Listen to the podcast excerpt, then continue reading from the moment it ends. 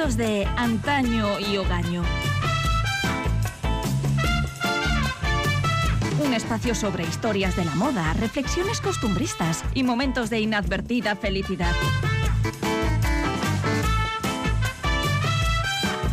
Adereza Edurne Baz.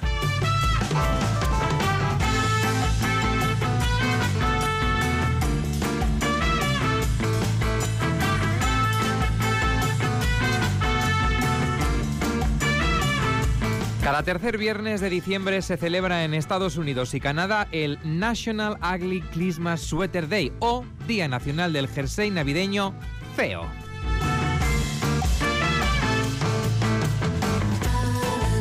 Durante esta jornada, los ciudadanos estadounidenses, canadienses y, parafraseando a Matías, cada vez los más eh, partes de más partes del mundo cambian su habitual ropa de calle o de trabajo para lucir en la oficina o donde corresponda un jersey con visibles motivos navideños. Edurne Vaz, ¿qué tal? Hola. Hola, muy bien. Y si es hortera ese jersey, mejor que mejor. Hombre, indudablemente. Con el espíritu navideño a flor de piel, hoy nos sumergimos en la historia del ya icónico jersey navideño y en las razones que lo han llevado a estar presente a día de hoy en casi cualquier tienda de ropa e incluso en supermercados. Toda concesión al sentido del humor nos parece apropiada y necesaria en el actual contexto y si la célebre escritora, editora y papisa de la moda Diana Brilland afirmó que demasiado buen gusto puede ser aburrido, ¿quiénes somos nosotros para contradecirlo? Absténganse discípulos del Grinch porque nos disponemos a retozar entre montañas de jerseys feos navideños como en una piscina de bolas.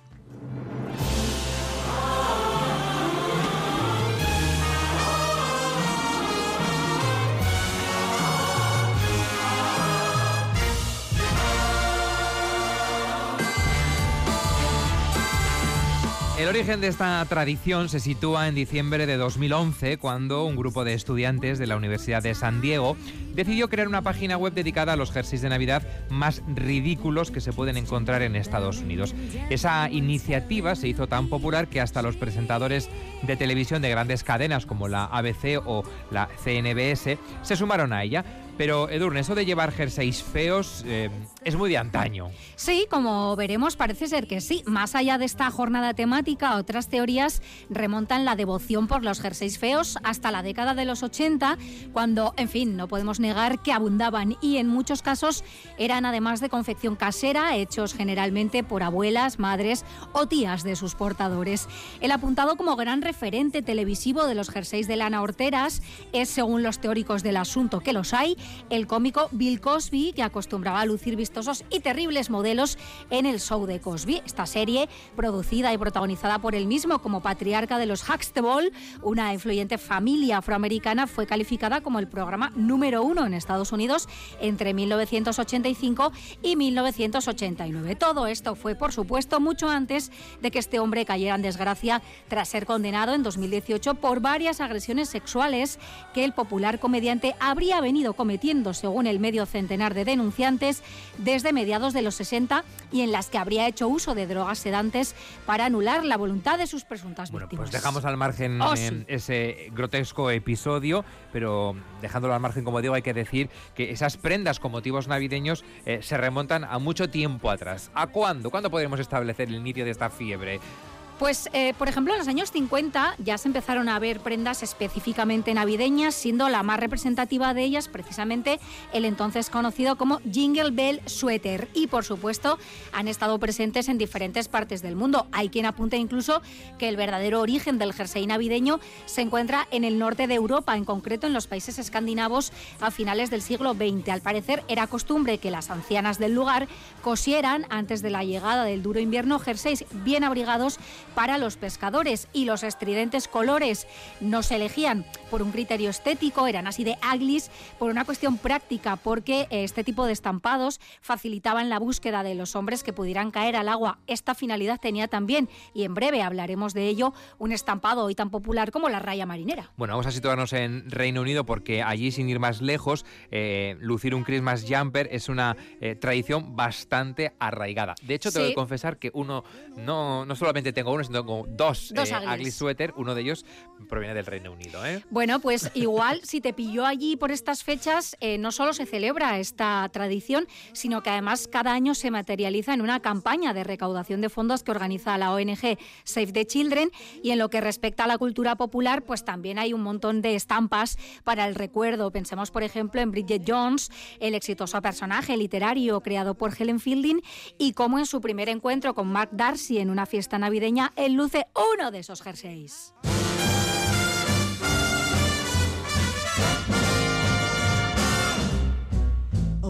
Mr. Kringle is soon gonna jingle the bells that'll tingle all your troubles away. Everybody's waiting for the man with the bag, cause Christmas is coming again. Y llegados a este punto, creo que la pregunta eh, parece evidente. ¿A qué responde Durne el éxito de unos jerseys que se consideran eh, objetivamente feos? ¿Por qué? Bueno, Nota por él. Pues cabe recordar, y además tampoco es nuevo en este programa, que el triunfo del feísmo está ahí desde tiempos inmemoriales. Es de hecho una longeva tradición estética con más potenciales lecturas filosóficas o sociológicas de las que a priori cabría pensar. La RAE define el feísmo como una tendencia artística o literaria que concede valor estético a lo feo y podríamos añadir que además se recrea bien a gusto en ello.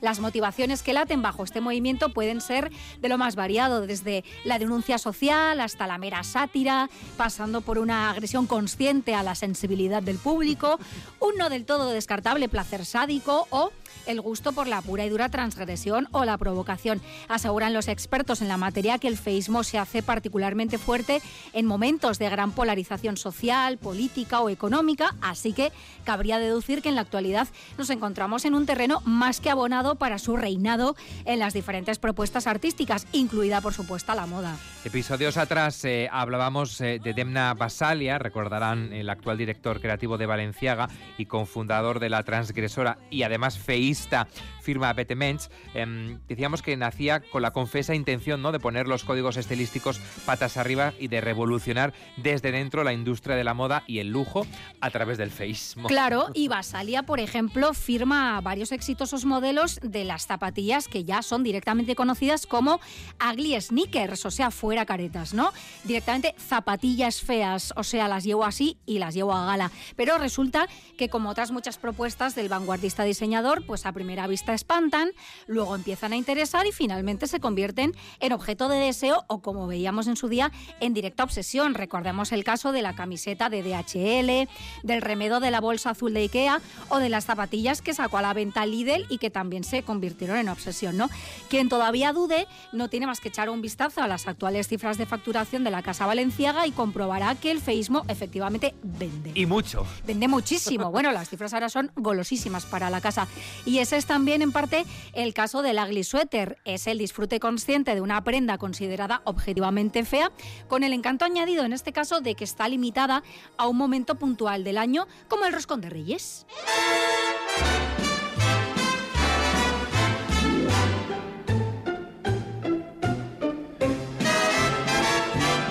Y con el ugly sweater ocurre como con el roscón de reyes que nos gustaría comerlo y ponérnoslo más días que solamente el indicado. Bueno, ¿eh? libertad creativa, pongámonoslo cuando queramos. En agosto, ¿no? Por ejemplo. Eh, bueno, pues en Gasteiz, en, en fin. haría falta.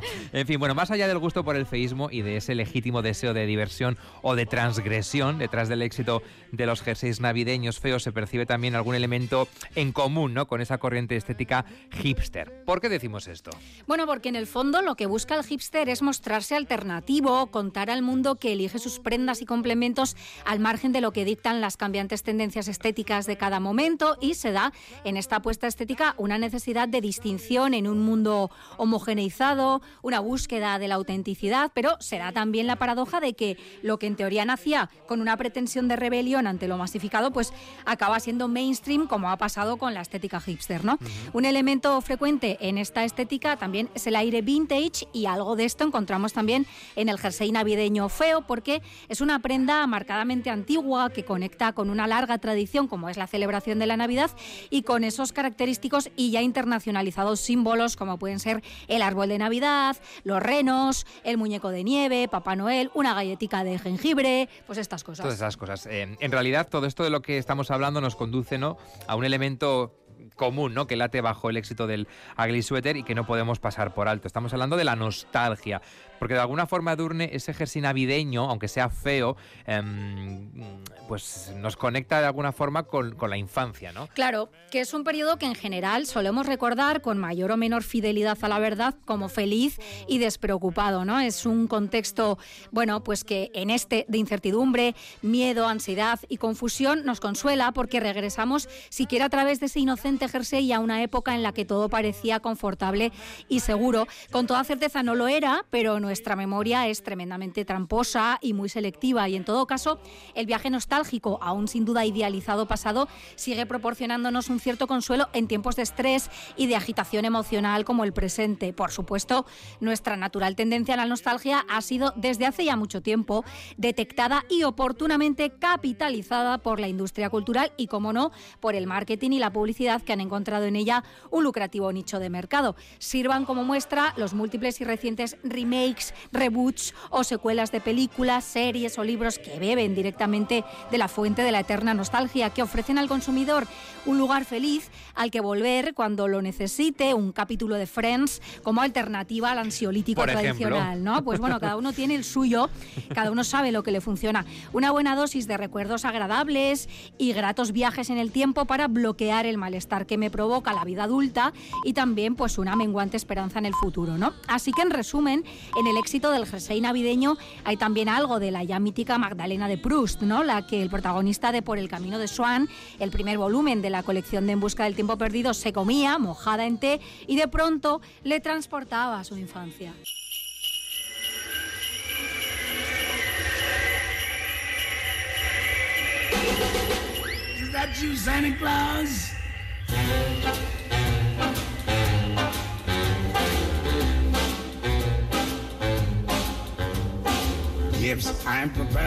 Bueno, pues una vez analizado el fenómeno del jersey navideño feo desde un punto de vista sociológico y hasta psicológico, porque muchas veces hablamos de la moda y tiene ese componente eh, psicológico, vamos a adentrarnos en sus normas de etiqueta, oh, que son como las megas, a ver las hay, las por normas. Por supuesto que sí, porque a pesar de que en esto, bueno, como en todo, prima la absoluta libertad, ¿no? Y el disfrute personal, si uno desea ser realmente ortodoxo a la hora de sumarse oficialmente a una convocatoria del Día del Jersey Feo Navideño, debe cumplir tres únicos pero innegociables requisitos que se recogen muy claramente en la web oficial. Bueno, pues el primero de esos requisitos, si se quiere ser realmente ortodoxo, como decimos, es cuanto más feo u ortea sea el jersey, pues mucho mejor. Por supuesto que sí. Se admiten modelos con motivos invernales clásicos como las grecas o los copos de nieve gigantes, pero si podemos añadir una buena ración de muñecos de nieve, árboles de Navidad, renos, galletas de jengibre o todavía mejor, elfos, subiremos notablemente la apuesta. La cosa mejora si cabe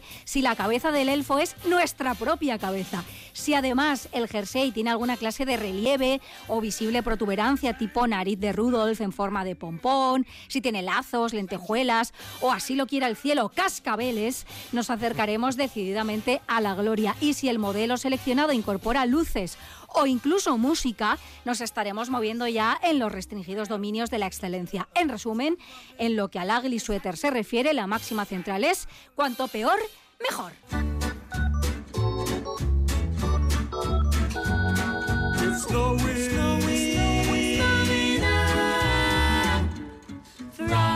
Bueno, creo que nos ha quedado eh, meridianamente clara la primera regla para cumplir con el día del jersey navideño feo. Cuanto peor, mejor. Vamos a avanzar hacia el segundo e innegociable punto del protocolo que marca la demanda de etiqueta, que dice, el ugly sweater debe ser usado durante todo el día. Sí, sí, sí, nada de ponérselo para estar en casa o para acudir a una fiesta temática. Hay que lucirlo. Sí, por supuesto, pero además a gala, llenos de orgullo y satisfacción incluso. Si decidimos participar de esta cada vez más extendida tradición, debemos lucirlo con orgullo en todas y cada una de nuestras tareas planificadas para ese día. ¿Que tenemos que hacer la compra? Ugly Sweater. Tenemos que guardar una interminable cola para acceder a una de las cada vez más inexpugnables ventanillas de atención al público del banco. Ugly Sweater. Tenemos que hacernos una analítica. Ugly Sweater. ¿Te has quedado, bueno, pues eh, con alguien a través de Tinder para ver? Ugly Sweater. Tenemos el examen de la oposición que llevamos un año preparando, Ugly Sweater, por supuesto. Y suma puntos en la fiesta del Ugly Sweater, no en la OPE, hacerse fotos y compartirlas en redes sociales o al menos en los círculos más o menos íntimos de WhatsApp. Es la sociedad en la que vivimos, no la he inventado yo y ¿qué queréis que os diga? Las fotos ahora mismo son necesarias. Hemos dicho que son tres los requisitos eh, indispensables si queremos eh, bueno, pues, eh, llevar a gala y cumplir perfectamente con ese día del jersey feo. Decíamos que cuanto más feo, mejor, es decir, cuanto peor, mejor, que hay que llevarlo todo el día, no solamente en casa como avergonzados, no hay que lucirlo, hay que hacer gala de él. Y el tercer mandamiento dice, debes hacer el máximo proselitismo a tu alcance. Sí, tienes que sumar adeptos eh, a la causa del ugly sweater, esta será tu prioridad ese día y no podrás considerarlo un éxito si no has conseguido que tu familia o tus amigos luzcan un jersey navideño a poder ser feete. Santa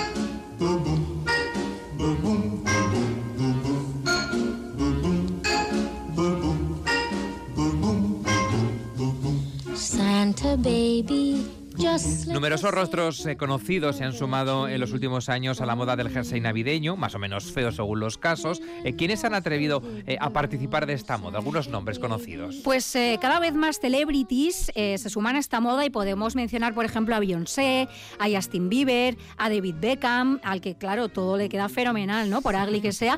O faltaría más a la reina de la Navidad oficial, que es Mariah Carey, o Mariah Carey, como dicen ahora los modernos. Bueno, son algunos de los famosos que no se privan de compartir en redes sociales sus fotografías luciendo con orgullo una de estas prendas.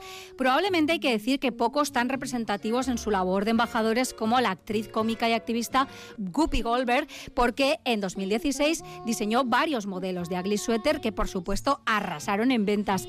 Ella, eso sí, precisaba entonces que no le gustaba el concepto de jersey feo navideño y que era más partidaria de referirse a ellos como jerseys divertidos de Navidad o jerseys de Navidad con un twist y muy cómodos de llevar. Bueno, ugly sweater es más comercial. Claro, y es, eh, bueno, cariñoso, ¿no? Es que el feísmo está ahí y ya está, no reneguemos de él, ¿no? Y tal es así que luego en 2017 repitió y en esta ocasión ya los diseñó totalmente inclusivos con alusiones a la Navidad, Hanukkah o Kwanzaa, que es una fiesta seglar de la cultura afroestadounidense. En ellos aparecían bordados elfos de diferentes razas, había dos señoras Claus dándose un beso, había un rabino, un Papá Noel bebé afroamericano, bueno, había todo tipo de estampados. Y no obstante, el más reciente y viral embajador del jersey navideño ha sido el Tyrannosaurus Rex del Museo de Historia Natural de Londres, que ha sorprendido a los visitantes luciendo un jersey navideño con un patrón azul marino, rojo, verde y blanco con sus preceptivos detalles festivos y, por supuesto, hecho a medida para él, porque según el propio museo han tardado 100 horas en hacerle este jersey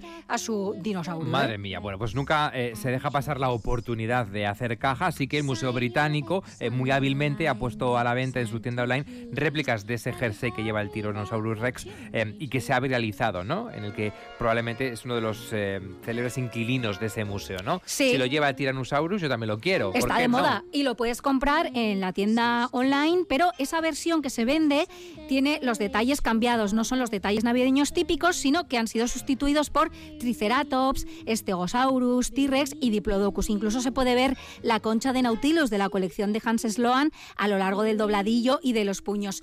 Y no es la primera iniciativa de estas características, porque de hecho es habitual que, por ejemplo, el Madame Tussauds de Londres customice a sus cerúleos inquilinos durante el periodo navideño. Se los hemos visto puestos, por ejemplo, a las réplicas de los miembros de la familia real británica y en el caso de los duques de Cambridge, William y Kate, ni siquiera eran dos jerseys, sino que era una única prenda con dos cabezas, ¿no? Ya en el máximo delirio, porque recordad, cuanto peor, mejor.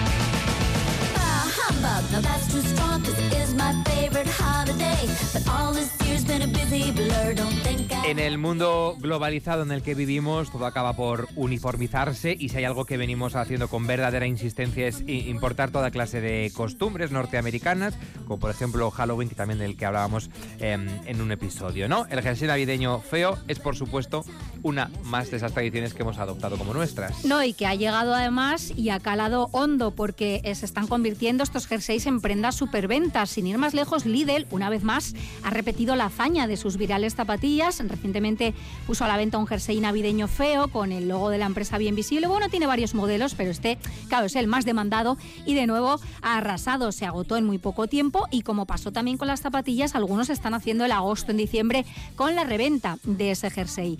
Los jerseys navideños también se cuentan entre los productos más populares de Amazon. Los hay para toda clase de públicos, esto incluye por supuesto a las mascotas, así que bueno, llegados a este punto en asuntos de antaño y hogaño, declaramos los ugly sweater prendas de culto y os animamos a lucir uno, ¿por qué no? Estas navidades por puro divertimento, porque a fin de cuentas, como la propia Guppy Goldberg dijo en su día, los jerseys navideños son para cualquiera que tenga sentido del humor, alegría y capacidad de asombro sin importar cómo celebre las fiestas. Y para los más cobardes o pudorosos, bueno, siempre quedarán los pijamas o calcetines navideños.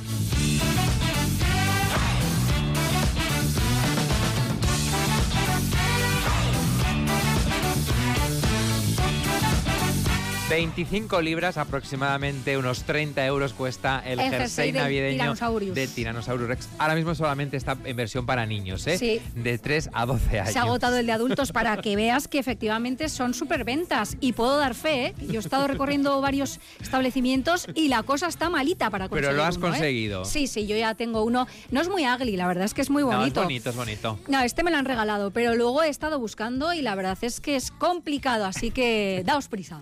Bueno, pues eh, es toda una moda la del jersey navideño, el ugly sweater, y hoy hemos querido traer a nuestros asuntos de antaño y hogaño con Edurne Nevaz. Es que ricasco. Eso, regatic. Agur. Agur.